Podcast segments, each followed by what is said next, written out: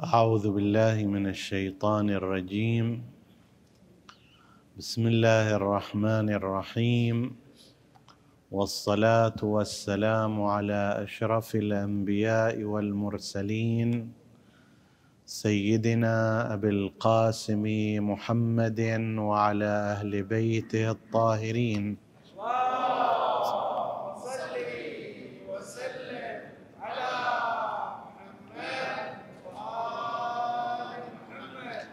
السلام عليكم أيها الإخوة المؤمنون أيتها الأخوات المؤمنات ورحمة الله وبركاته.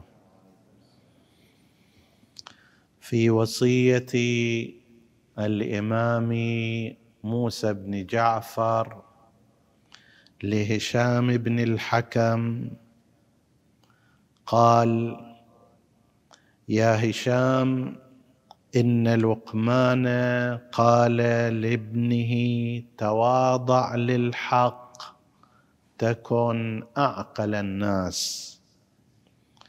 يا بني إن الدنيا بحر عميق قد غرق فيه عالم كثير فلتكن سفينتك فيها تقوى الله. وحشوها الإيمان وشراعها التوكل وقيمها العقل ودليلها العلم وسكانها الصبر. يا هشام لكل شيء دليل ودليل العاقل التفكر. ودليل التفكر الصمت ولكل شيء مطية ومطية العقل التواضع وكفى بك جهلا أن تركب ما نهيت عنه. صدق سيدنا ومولانا الإمام أبو الحسن موسى بن جعفر صلوات الله وسلامه عليه. في سياق حديث الإمام عليه السلام ووصيته لهشام بعد أن استعرض الإمام عليه السلام ما جاء أو بعض ما جاء في القرآن الكريم من آيات ترتبط بالعقل والتعقل وقد مر علينا الإشارة إليها. واستطردنا في ذلك أيضا في الحديث عن تعريف للعقل وما الذي يقصد به خصوصا في مثل هذه الوصية. وعرضنا إلى قول اثنين من أعلام الإمامية العلامة المجلسي والعلامة الطباطبائي رضوان الله تعالى عليهما. الآن بعد أن عرض الإمام عليه السلام للعقل في آيات القرآن الكريم بدأ فيما نسميه بالرؤية الكونية للدنيا وارتباطها بالعقل. من المهم أن يكون للإنسان رؤية كونية بها يفلسف الدنيا ككل. ما هي هذه الدنيا؟ إلى أين تمضي؟ ما هو دورنا فيها؟ ما هو شأنها؟ كيف ينبغي أن تكون علاقتي بها؟ هذا يمكن أن يسمى بالرؤية الكونية. أو بمعرفة فلسفة الدنيا. وهذا من الأمور المهمة جدا. لماذا؟ لأننا قد نجد قسما من الناس عندهم تخصص في أدق المطالب العلمية. فقد تراه مهندسا مثلا متفوقا. يعرف قوانين الهندسة وما الذي يؤثر في استحكام البناء وما شابه ذلك بشكل دقيق لا يشق له غبار كما يقولون. ولكنك عندما تأتي لكي ترى معرفته الكونية بالحياة تجدها ناقصة مثل أن يقول إن هذه حياتنا الدنيا نموت ونحيا. بس هذا هو. أو ما هي إلا حياتنا الدنيا نموت ونحيا. هذا بقد ما هو في ذاك الجانب الهندسي أو التخصص الطبي أو أحيانا حتى الفلسفي بقدر ما هو دقيق. وفاهم لكن رؤيته للكون والحياة رؤية قاصرة. لذلك يقاس عقل الإنسان أول ما يقاس بهذا ما يقاس بدرجاته اللي جابها. هذا عنده دكتوراه مع مرتبة الشرف الأولى في النانو. طيب مو في الإلكترون. أكثر من ذلك. طيب هذه مرتبة جيدة. ولكن إذا كانت رؤيته للحياة رؤية واضحة لماذا جاء؟ إلى أين يمضي؟ ما هو المطلوب منه؟ ما هي القيمة والثمن لحياته؟ هذه شهادته تكون جدا شهادة مناسبة. ليش؟ لأن أصل الطريق عند طريق واضح وبين. وأما إذا كان لا سمح الله عند هذا التخصص الدقيق جدا والمعقد ولكن معرفته بمن أين وإلى أين كما ورد في الروايات رحم الله امرا عرف من أين وفي أين وإلى أين؟ من وين اجى لوين رايح؟ هو الآن ماذا يصنع؟ هذا يتبين واعي وعارف بفلسفة الحياة والكون. فأول ما يجي لذلك إحنا مثلا نشوف تأكيد الأئمة عليهم السلام والمعصومين وقبلهم القرآن الكريم حول توضيح الدنيا. دنيا شنو هي؟ عجيب. دنيا معروفة بعد. دنيا هذا اللي قاعدين نعيش فيها. لا. الأمر ما هو المقصود من ذلك؟ من أين؟ وفي أين؟ وإلى أين؟ إذا عرفت هذا نعم. أنت آنئذ قاعد تمشي بشكل صحيح. وأما إذا لم يكن كذلك حتى لو كان تخصصك من أعلى التخصصات دقة إلا أن الأمر الأصلي لم تصل إليه. لذلك الإمام عليه السلام بدأ في قضيتين. القضية الأولى موضوع التواضع وربطه بأن من يكون متواضعا هو أعقل الناس.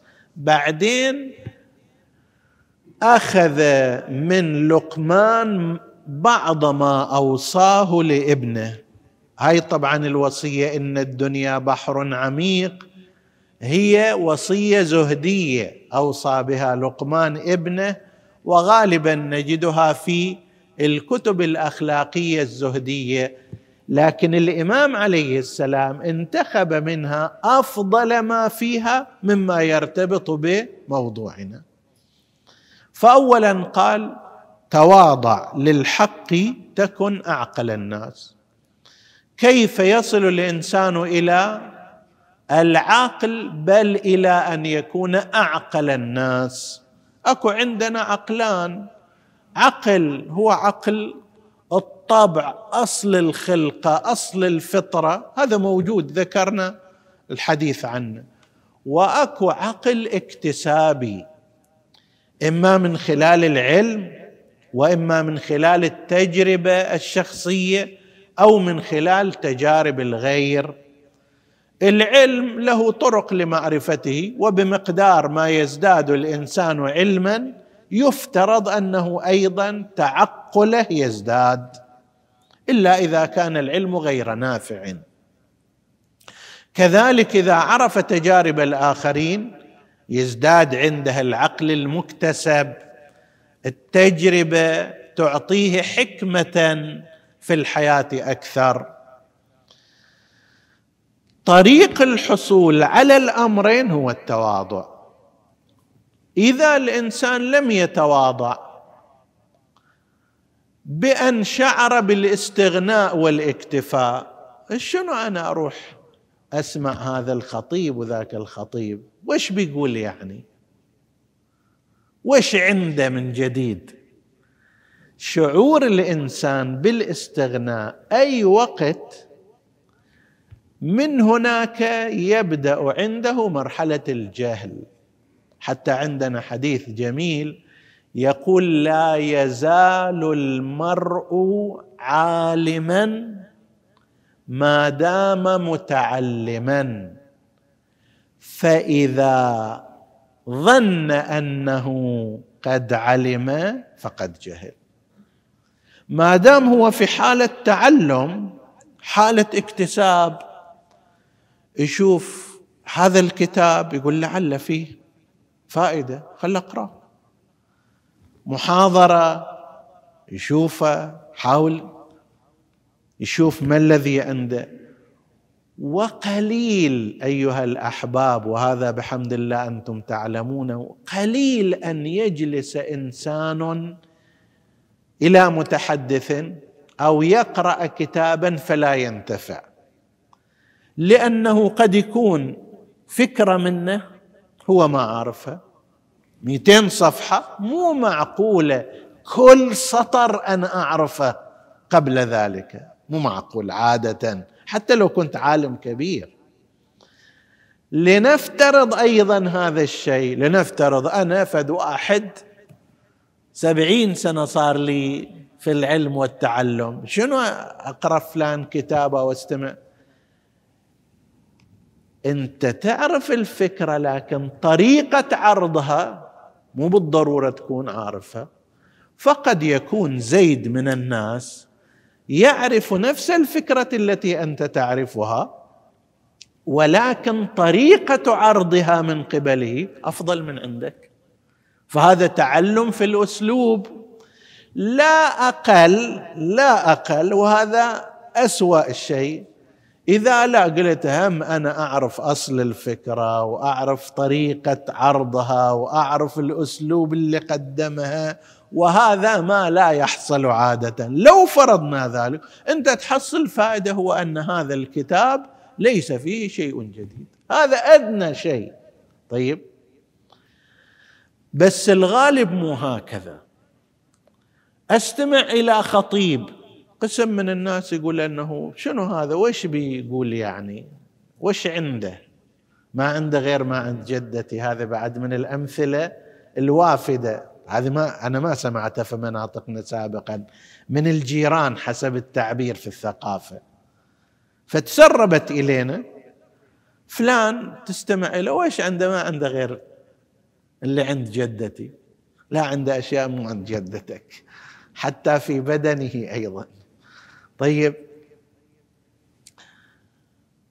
إما أسلوب عنده غير اللي عند جدتك إما فكرة غير اللي عند جدتك إما كلمة جديدة ما سامعها وهكذا. فاحيانا الإنسان يشعر بالاستغناء. إذا شعر بالاستغناء استكبر. إذا استكبر لم يتواضع آنئذ توقف عقله ما يصير بعد هذا أعقل الناس. عندنا في أحاديث أعلم الناس من جمع علوم الناس إلى علمه هنا المتواضع هو أعقل الناس.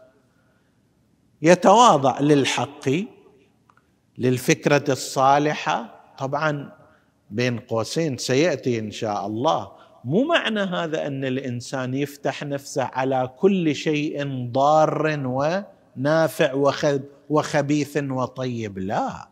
لأنه بالتالي إن السمع والبصر والفؤاد كل أولئك كان عنه مسؤولا.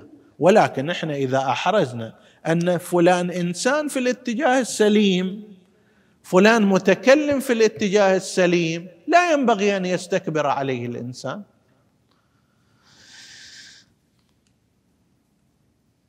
أحيانا يصير مو إحساس بالاستغناء وإنما يصير استكبار على الشخص. هذا تلميذ تلميذي وش بيعطيني يعني؟ أنا الآن صار لي مثلا دكتوراه عندي وعندي ما أدري آية الله وعندي آه، كذا وكذا. هذا تو غير في بداية الدراسة مالته في استكبار يصير على الشخص. أحيانا استكبار على الجماعة على المذهب. أنا وهذا أنا أنبه إليها أيضا. قسم من أبناء مذهبنا وقد يكون هذا رد فعل على الطرف الآخر، الطرف الآخر عادة عندهم الشيعة والروافض ما عندهم إلا خزعبلات وخرافات وما أدري أصلا ما يقرأ ما يطلع. زين؟ خلاص عنده هذا أحيانا ما يعرف يكتب له سطرين بس مع ذلك بالنسبة له هذا الكلام كلام خزعبلات وخرافات وإلى آخره. ذات مرة وهذا من باب الشيء بالشيء يذكر كنت أراجع أحد دروس الخارج في الأصول موجود على النت. لا أحد الاعلام الأقطاب. فشفت واحد يبدو من المدرسة الأخرى. معلق هالتعليق تفضل شوف هالخرافات وهالخزعبلات. هو لا يفهم هذا يعني نص سطر منه ما فاهم. يمكن مثلا إذا يجي بعض علمائهم الكبار يقدر يفهم هذا الشيء بس هذا يتبين عليه واحد يعني من عامة الناس.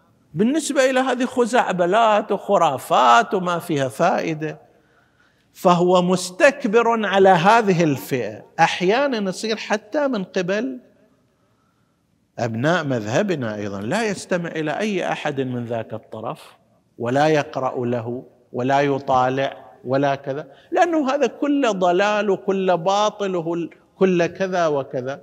هو باطل صحيح ما دام منحرفا عن آل محمد.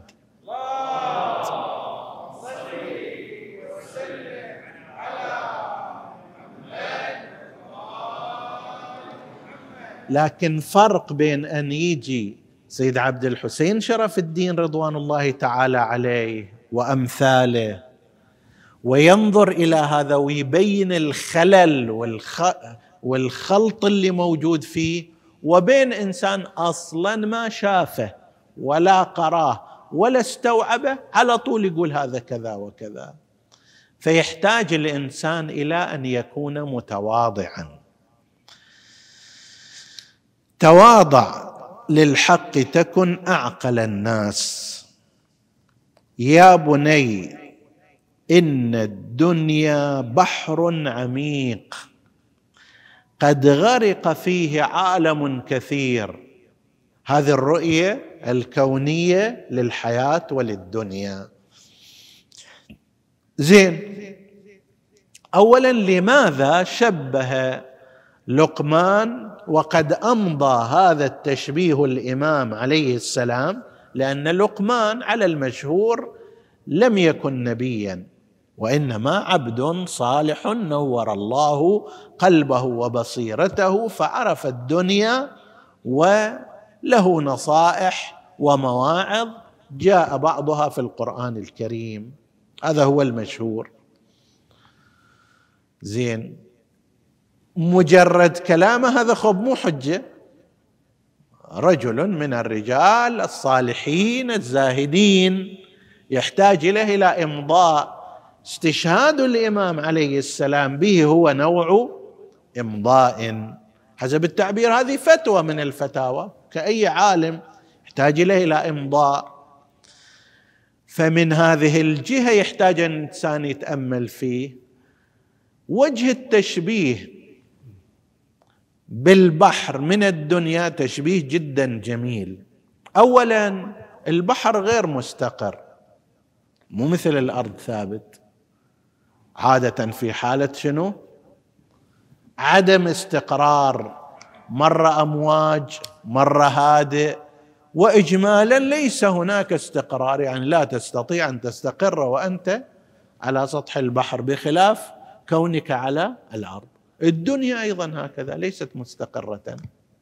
لمن يراها بعين البصيرة لا يراها مستقرة في سياستها في اقتصادها في أحوالك فيها أنت تقلب إذا كان الشيء مو مستقر هل يكون عاقلا؟ من يركن إليه؟ طبيعي لا. فواحد من أوجه التشبيه انها غير مستقره الثاني أن البحر لا يتخذ للبقاء فيه وإنما هو ينتقل عبره. إما بحار يروح يصيد سمك بس مو على أساس على أساس يبقى يأخذ بغيته ويرجع. أو هو منتقل بتجارته من هذا المكان إلى مكان آخر عبر السفينة فهو مو باقي فيها وإنما متخذ هذا البحر طريق. الدنيا أيضا هي هكذا. يخطئ من يتخذ الدنيا محل قرار. هي ممر وخذوا من ممركم لمقركم. كما ورد في كلمات أمير المؤمنين عليه السلام الدنيا دار مجاز جواز وليست دار استقرار وبقاء. هذا أيضا من أوجه التشبيه في ذلك. أيضا البحر إذا واحد ما يلتفت يغرق مع الغفلة مع التقصير مع عدم أخذ الاحتياطات إذا ينام طيب يغرق.